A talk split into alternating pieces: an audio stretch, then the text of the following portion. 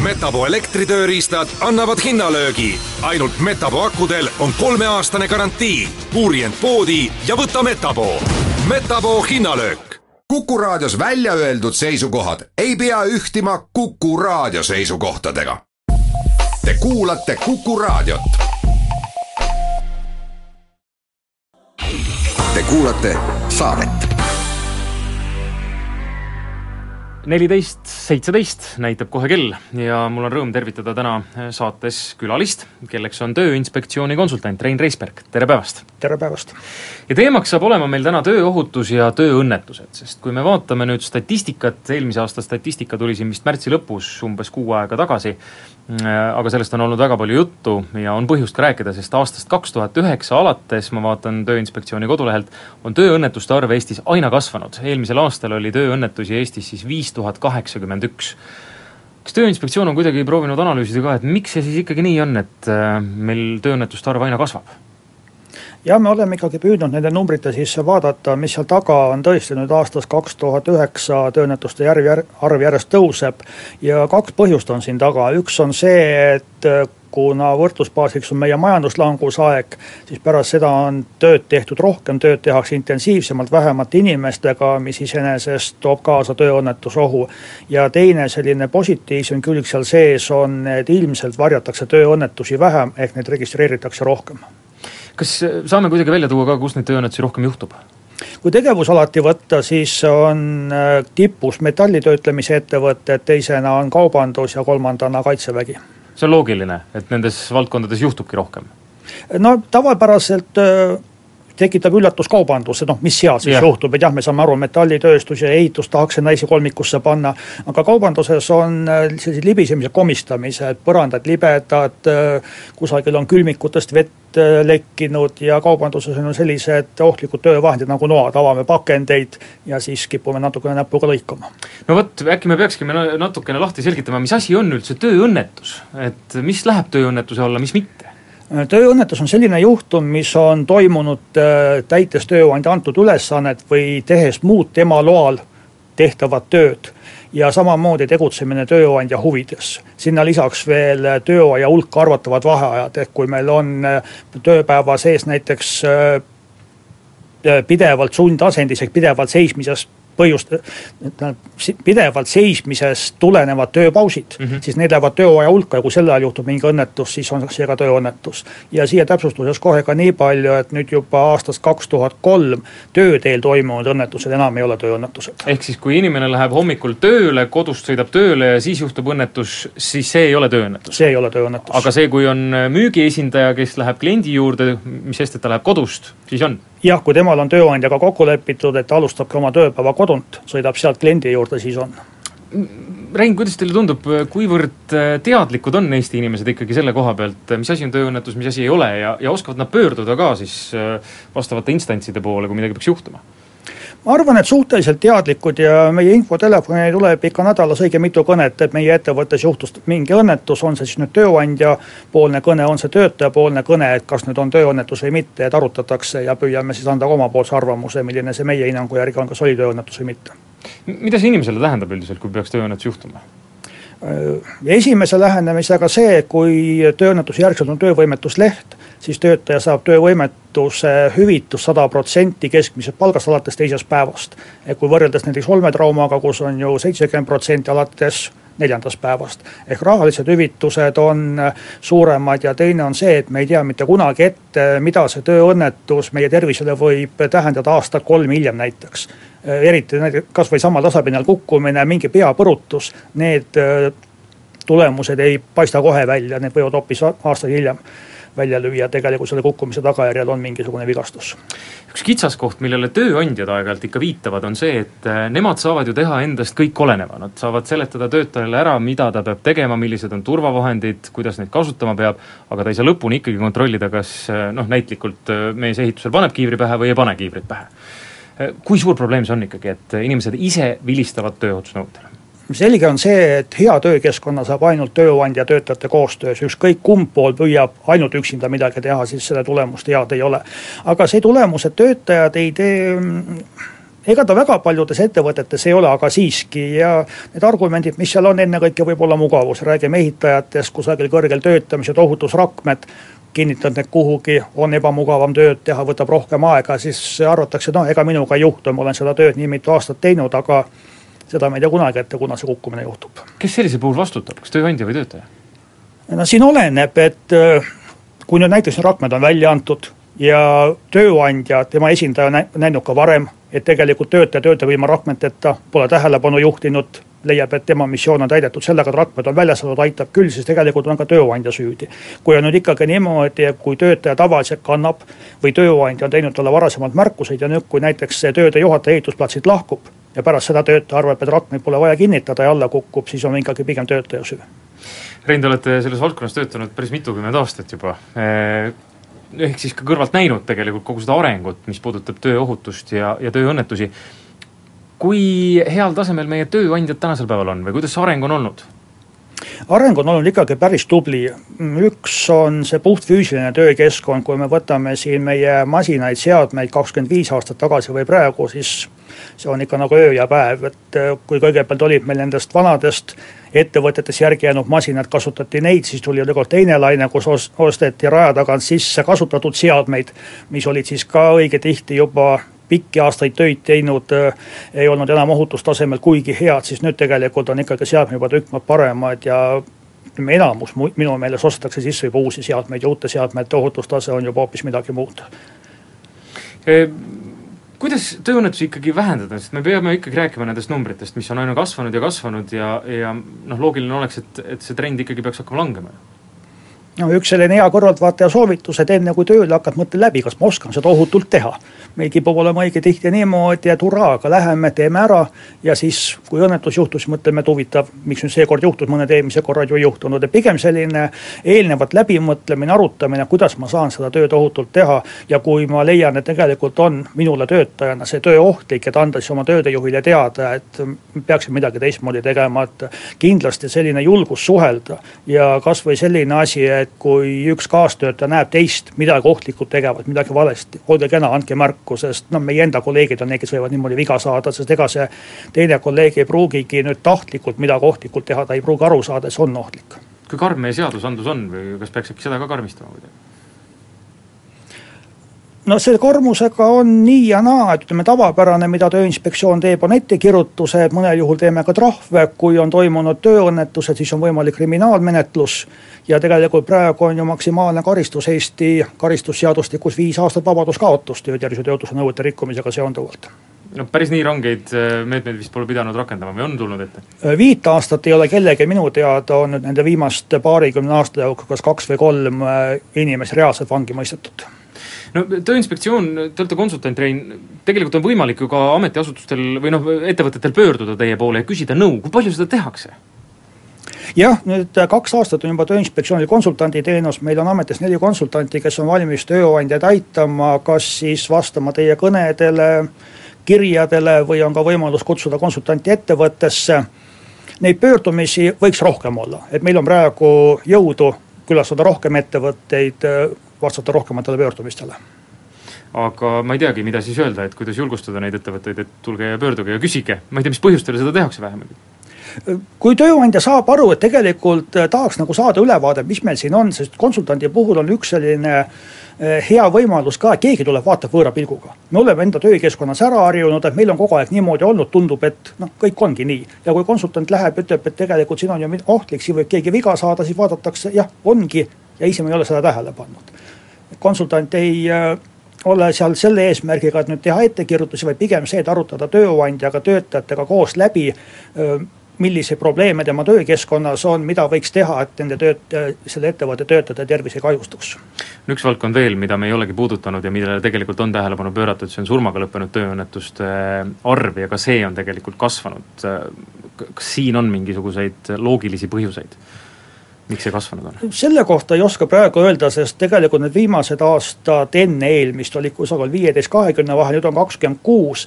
et äh, jah, protsentuaalselt on see kasv päris tõsine, aga eks see ole meie väikese riigi äh, probleem, et kui äh, mõni üksik õnnetus on rohkem, siis protsentuaalselt on palju, aga seda küll, et eelmise aasta kohta meil oli palju neid õnnetusi, kus hukkus kaks inimest korraga et seda ma nagu ei mäleta varasematest aastatest, nii et ühe aasta peale oleks kolm tükki sattunud. ühes tööõnnetuses?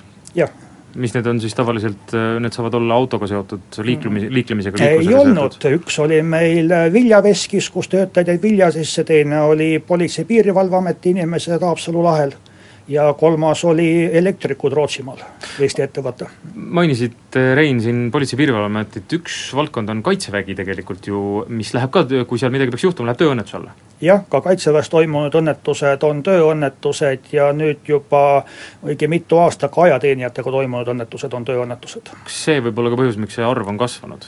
ilmselt küll, et sealt eh, pärast seadusemuudatust tuli selline kusagil saja, saja viiekümne tööõnnetuse võrra neid rohkem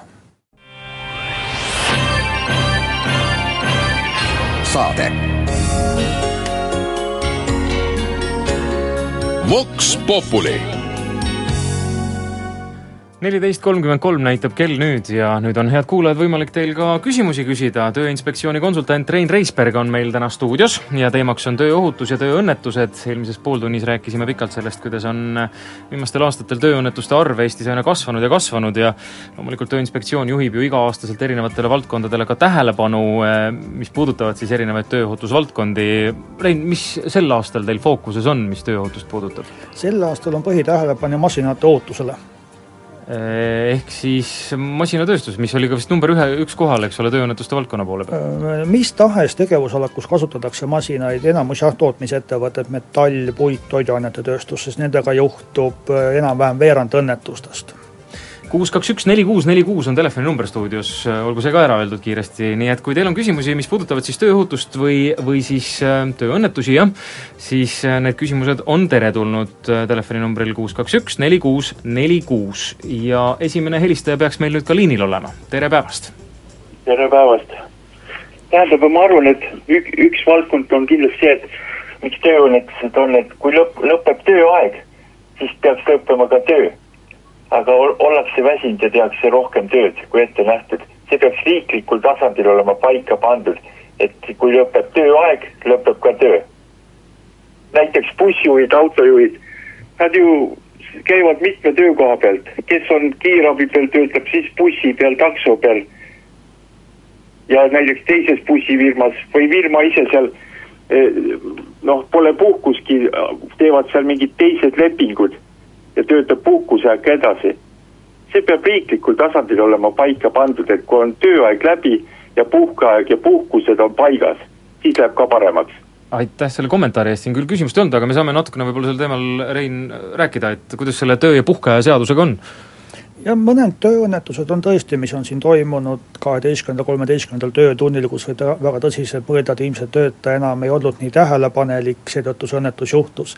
aga paraku nendest äh, juhtumitest, kus töötaja ise töötab mitme tööandja juures, äh, nendele me jaole ei saa, sest mõttes, et tööõnnetuse järgselt, kui tehakse raport, pannakse kirja, kui mitmendal töötunnil see juhtus ja iga tööandja hakkab oma töötundi arvestama, et selles ettevõttes võib olla alles teine töötund, aga kui pikalt oli ennem kuskil mujal töötanud, palju ta puhata sai, selle, seda me paraku ei tea, et siin on nüüd ka ikkagi see, et töötaja ise peab enda eest hoolitsema, et mitte väsinuna tööl olla kuus, kaks, üks, neli, kuus, neli, kuus ootab järgmist helistajat, järgmist küsimust, mis siis tööalaseid või tööohutuse alaseid küsimusi puudutab. Ähm, Rein Reisberg, Tööinspektsiooni konsultant, on valmis neile lahkelt ka vastama.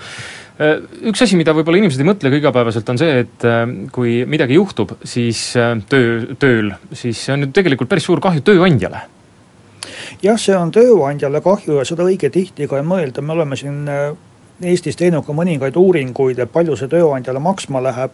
ja kuna töövõimetusega seotud kulud ei ole ju tööandja kanda, sest töövõimetuslehe maksab haigekassa, haiglaravid maksab haigekassa, siis tundubki, et ega need kulud nii suured ei ole, aga samas kui mõelda kasvõi see aeg, mis kulub uue töötaja leidmisele, kes seda tööd teeb, tema väljaõppele, kui palju kulub aega õnnetuse uurimisele, võib-olla toim-, selle toimunud õnnetusega seoses oli mingit materiaalset kahju, siis paraku seda rehnutit eriti ei peeta. aga meil peaks olema helistaja nüüd liinil, tere päevast! tere päevast, mina, see on mulle väga noh, hingelähedane teema, sellepärast ma töötan ise või töötan selles süsteemis ja tööohutus on, on noh, Äh, on mu, no ütleme, üks töö, noh, oluline osa. aga minul on üks küsimus. et ähm, mul oli üks projekt, kus ma olin tööohutusspetsialist ja see oli rahvusvaheline ja sealt tekkisid sellised probleemid, et äh, erinevates riikides tõlgendatakse tööohutust erinevalt. Äh, objektil oli, ütleme siis niimoodi, et see oli ehitusobjekt, see oli Tallinna linna piirides, aga seal olid töötajad nii Ukrainast, nii Valgevenest, nii Soomest, nii Rootsist kui ka Taanist kui ka Saksamaalt. et, et äh, kas, kas mingisugune ühtne norm võib kehtida kuskil või, või, või on see selline painduv või paindlik? Mm, mul natukene on nagu probleemne.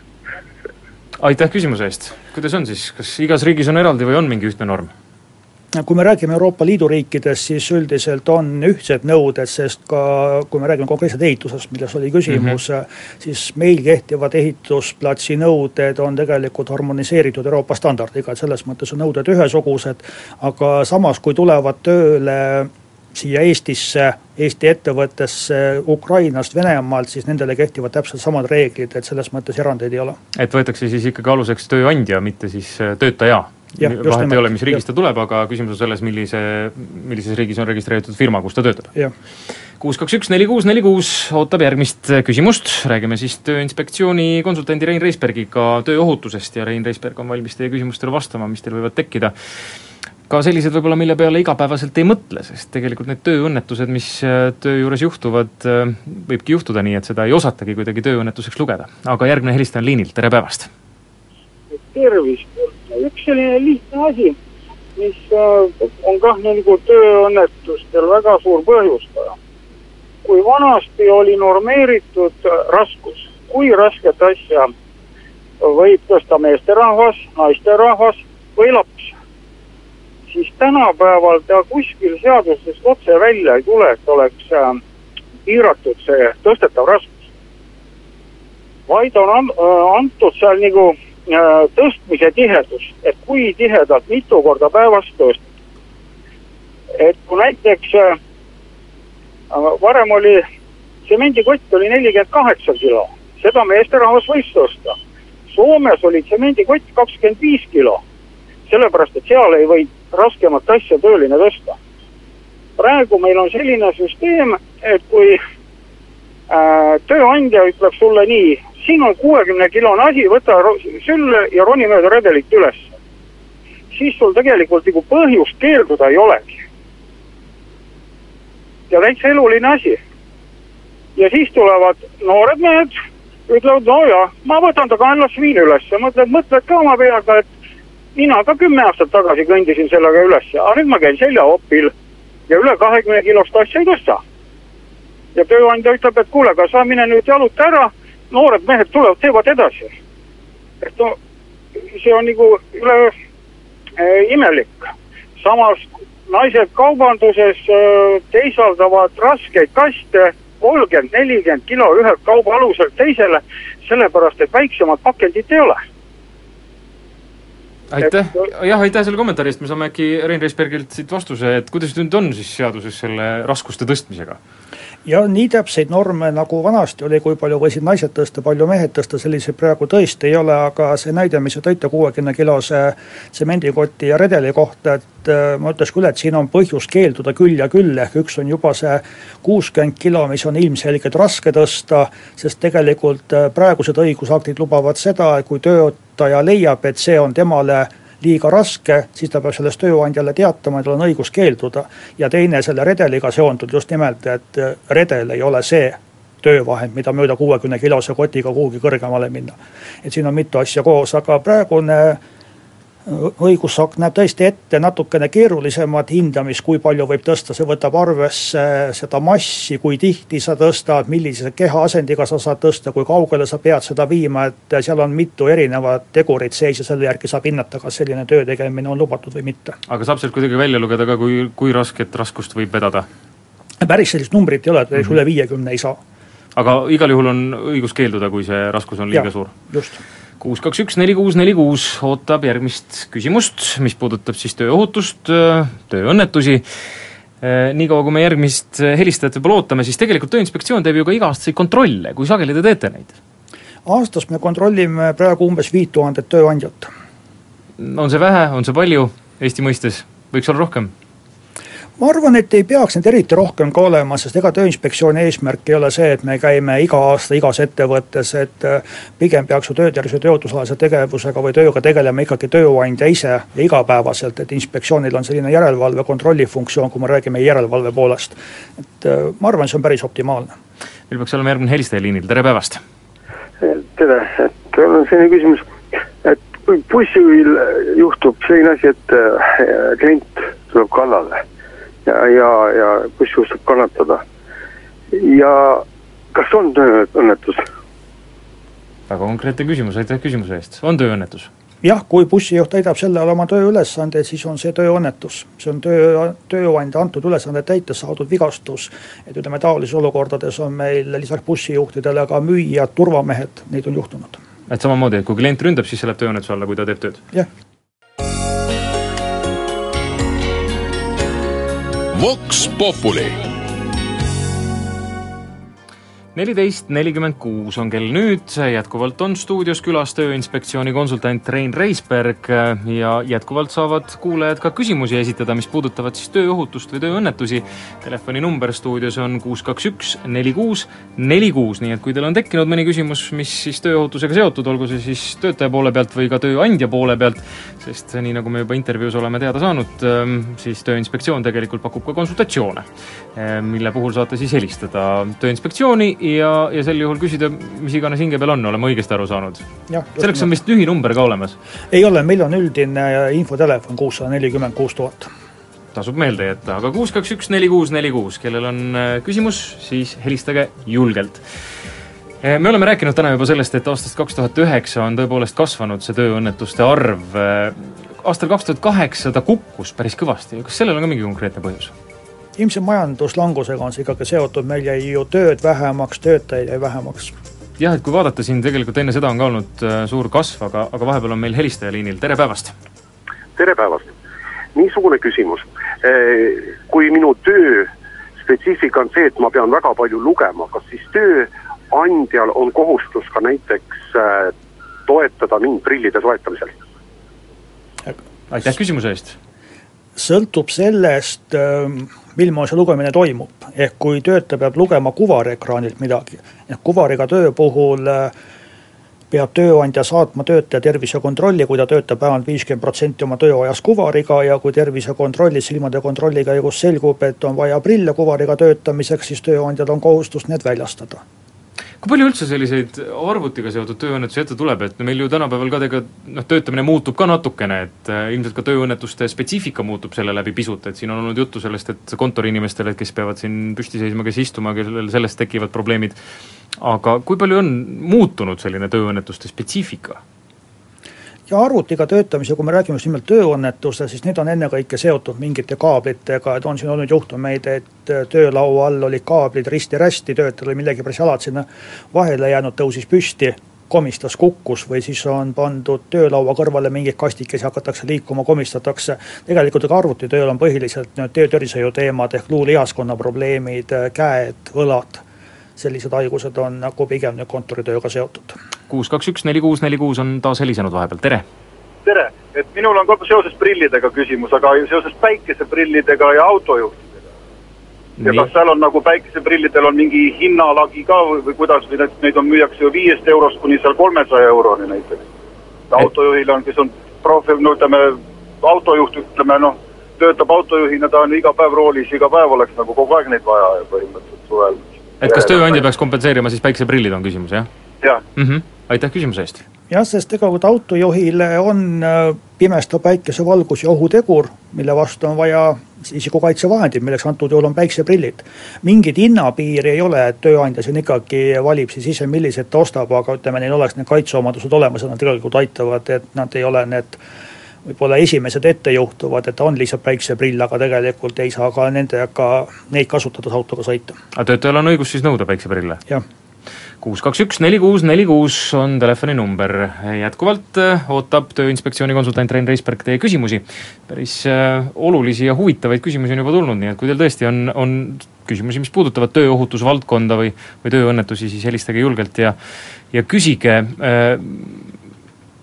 On tulnud üks küsimus meil kodulehekülje kaudu kus räägitakse juhtumist, kus tööandja maksis töölisele, et ta vaikiks tööõnnetusest. noh, seda on ilmselt väga raske tuvastada, aga, aga kuidas tuleb selliseid asju ette? tuleb küll ette jah, et minu enda praktikas oli üks selline juhtum, kus arstide poolt tuli meile info, et töötaja on pöördunud, tööandjal raporteid ei tulnud, kui ma läksin ettevõttesse koha peale, sain ka selgust, mis seal oli tegelikult olnud. töötaja oli olnud mõned päevad kodus, siis läks tööle, töövõimetuslehte tööandjale ei esitanud, siis nad leppisid tööandjaga kokku, ma maksan sulle need päevad kinni, mis sa kodus oled. ja noh, tulemus oli siis see, et tuli see õnnetus uurida, tuli trahvi maksta nii et äh, see ei ole eriti mõistlik tegevus, et jah, lepime kokku, et äh, me ei registreeri seda ja veel kord suundumusega sinnapoole ka, et me ei tea kunagi ette, millised tüsistused meil võivad tervisega olla mõne aja pärast. kuus, kaks, üks, neli, kuus, neli, kuus on helisenud vahepeal, tere. tere, äh, aga öelge palun, et aga kuidas on, kuidas töö organiseerimisel, kui inimene on üle organiseeritud, ehk tal tööülesandeid on nii palju, et isegi ütleme, ei jõua päevalt süüa ja, ja siis, kui eh, midagi juhtub, siis nagu täpselt sama öeldakse, aga midagi ei ole olnud ju, et sa lihtsalt oled väsinud ja samaaegselt tööandja ei taha üldse seda nagu tunnistada, et tööd on inimesed liiga palju, et töö, ütleme, töö tegijaid on vähe. ega siin on küsimus ei ole ainult üldse füüsilise töö tegijaid, lihtsalt mul on ühel tuttaval perel ikka on niisugune probleem nõrgemal sool, et lihtsalt ta on nii ülekoormatud, ta ütles, et abi, tema abikaasa, et mõnikord on nii pahur, kui ta tuleb koju ja siis niisugune tunne on, et eh, mine või psühhiaatri juurde juba tänu selle tööandjale. ehk siis ikka jälle jätkuvalt küsimus puhke- ja, ja tööaja seaduse koha pealt, mulle tundub, et, et kuidas siis on sellega? ja samas ka seos varem räägituga, et töö intensiivsus on suurem, seetõttu mm -hmm. juhtub tööõnnetusi mm -hmm. rohkem. et eh, jah, nii ta paraku on, et tööülesandeid on palju, mida ma oskan siin öelda, kui on suur füüsiline või vaimne pinge, siis peab tööandja andma tööaja hulka arvatavad vaheajad ehk tasustatavad vaheajad. aga taolistel puhkudel kindlasti tasub töötajale, töötajal kurta oma tööandjale neid probleeme, et ta ei jõua, kui siin oli ka juttu, et ei jõua isegi lõunastada, noh, see ei ole normaalne, et ma usun, et meil ikkagi enamus tööandjaid on sellised, kes mõistavad ja püüavad siis tööd ümber korraldada, sest ega see väsinud töötaja eriti produktiivne ka ei ole. kuus, kaks, üks, neli, kuus, neli, kuus on taas helisenud, tere päevast tere päevast! mul on üks eh, selline küsimus, ma ei ole kuulnud eh, mingit vastust pealtnägijale seoses Tööinspektsiooni inspektorite oskamatusega õnnetusjuhtumit uurida. mis selles suhtes ette on võetud? tänan. aitäh küsimuse eest, pean küll tunnistama, et ei ole ise vist seda Pealtnägijat näinud, aga ma ei tea, Reino, oskate teie öelda? Ma ei oska öelda, kas nüüd tegemist on umbes nelja aasta vanuse juhtumiga, kui ühel kalalaeval toimus õnnetus, aga minu teada on selle õnnetuse uurimine lõppenud. ka kohtulahendid on seal taga olemas, et ma ei oska praegu täpsemalt öelda. kui üldse uurimisest rääkida, kui pikalt keskmiselt üks äh, tööõnnetuse uurimine kestab? tööinspektoril on kolmkümmend tööpäeva aega uurida, poolteist kuud ja siis peab olema otsus langetatud? jah, siis peab olema uurimiskokkuvõte tehtud, et äh, mis asjaoludel juhtus ja miks juhtus kuus, kaks, üks, neli, kuus, neli, kuus, jõuame kindlasti mõned kõned veel vastu võtta, mõned küsimused veel vastu võtta, Tööinspektsiooni konsultant Rein Reisberg on jätkuvalt stuudios, valmis vastama küsimustele, mis puudutavad siis tööohutust või, või ka tööõnnetusi. kas riiklikul tasandil on kuidagi mõeldud ka selle peale, et selle numbri vähendamise peale, tööõnnetuste vähendamise peale, on meil olemas mingi strateegia või midagi paika pandud? meil on olemas jah, arengukava, kus me näeme ka ette, et tööinspektsiooni panus siis sellesse mm, -hmm. et tööõnnetusi vähem oleks, sest äh, tööinspektsioon on kindlasti üks osa äh, nendest inimestest, kes peavad tegelema tööõnnetuste vähemise, vähendamisega, kuid see ütleme, otsene tegevus on nüüd ikkagi tööandjatel. taas on nüüd telefon helisenud, tere päevast! selle raskuste tõstmisega teema jah, jäi sinnani, et töövõtjal on õigus keelduda. aga töö tegemisel kuidas ta reaalses elus nüüd välja näeb, inimene ütleb, et ma tööd ei tee, tööandja ütleb selle peale, et aga mul ei ole sind enam vaja. või siis, kui inimene on üle töötanud, käed värisevad, autoroolis enam ei suuda objektile seista, siis öeldakse, ega sul on närvid nõrgad, sa ei pea vastu. mine ära ja tegelikult riiklikult nagu siis ongi soodustatud, et inimene töötab kuni invaliidistumiseni, sest ennem tal keelduda nagu praktiliselt võimalust ei ole ja siis ta jääb ilma lihtsalt pensionile või? et ongi niimoodi, et äh, oleks mingisugune punkt, mille alusel oleks võimalik nüüd puhket aega nõuda või ehk siis küsimus on selles, et kas töötajal on või võimalust kuhugi pöörduda, et, et olukorda normaliseerida nii-öelda? jah, et see, et ma kuskile kellelegi helistan või mida, kuidas see asi peaks toimuma ja kuidas ta reaalis saab olla see. Ka et... niimoodi, et ma nüüd saan tööandjat survestada, et ma ei oleks, leiaks ennast äh, tänava peal järgmisel päeval. aitäh küsimuse eest ja et juhul, kui tajute, et ettevõtte seest abi ei saa, siis on võimalik saata ka Tööinspektsiooni vihje meie vihje meilile vihje.ti.ee ja siis äh, loodetavasti meie järelevalve poole inimesed sellega tegelevad, tulevad vaatama koha peale, mis tegelikult toimub, kuidas tööd tehakse. vihje et ei.ee oli jah ja.? nii et tasub meelde jätta, kuus, kaks, üks, neli, kuus, neli, kuus on aga meie telefoninumber, mis on taas helisenud, tere päevast! ja tervist, mina olen ka bussijuht ja minul juhtus selline asi, et Äh, bussist väljudes ma nikastasin jala. kas see on tööõnnetus? täpsustuseks võib-olla peab küsima, kas oli tööaeg? no ikka, ikka jah mm. -hmm. jah, see on ikkagi tööõnnetus, sest ilmselt te liikusite bussist välja seoses oma tööülesannetega väga lihtne vastus. Ei ole vaja pikemat uurimist ilmselt teha, kuus, kaks, üks, neli, kuus, neli, kuus, äh, jõuame jah, veel ühe kõne kindlasti vastu võtta, ühe küsimuse vastu võtta. kuus, kaks, üks, neli, kuus, neli, kuus, on helisenud, ei ole veel, aga helistage kiiresti, jõuate veel küsida. nüüd on küll liin hõivatud, tere päevast! tere, mul on selline küsimus, mida siis teha, kui töötaja ei anna tööandjale tööõnnetusest teada? aitäh küsimuse eest teoreetiliselt siis, kui tööandja on pöördunud, vabandust, kui töötaja on pöördunud arsti poole, rääkinud on töö juures juhtunud, siis arst teavitab Tööinspektsioon ja Tööinspektsioon teavitab töötaja, tööandjat, et sealkaudu peaks info liikuma, aga kui tõesti töötaja üksinda on võtnud nõuks millegipärast tööõnnetust varjata, ta ei ole rääkinud sellest ka arstile, siis ilmselt ei saagi keegi sellest teada aga meie aeg on nüüd täis saanud, suur tänu täna stuudiosse tulemast, Tööinspektsiooni konsultant Rein Reisberg. Mm, soovime edu teile töös, loodetavasti see tööõnnetuste arv tulevikus hakkab vähenema ja aitäh ka kõikidele kuulajatele, kes küsimusi esitasid. aitäh ja kõike head. Vox Populi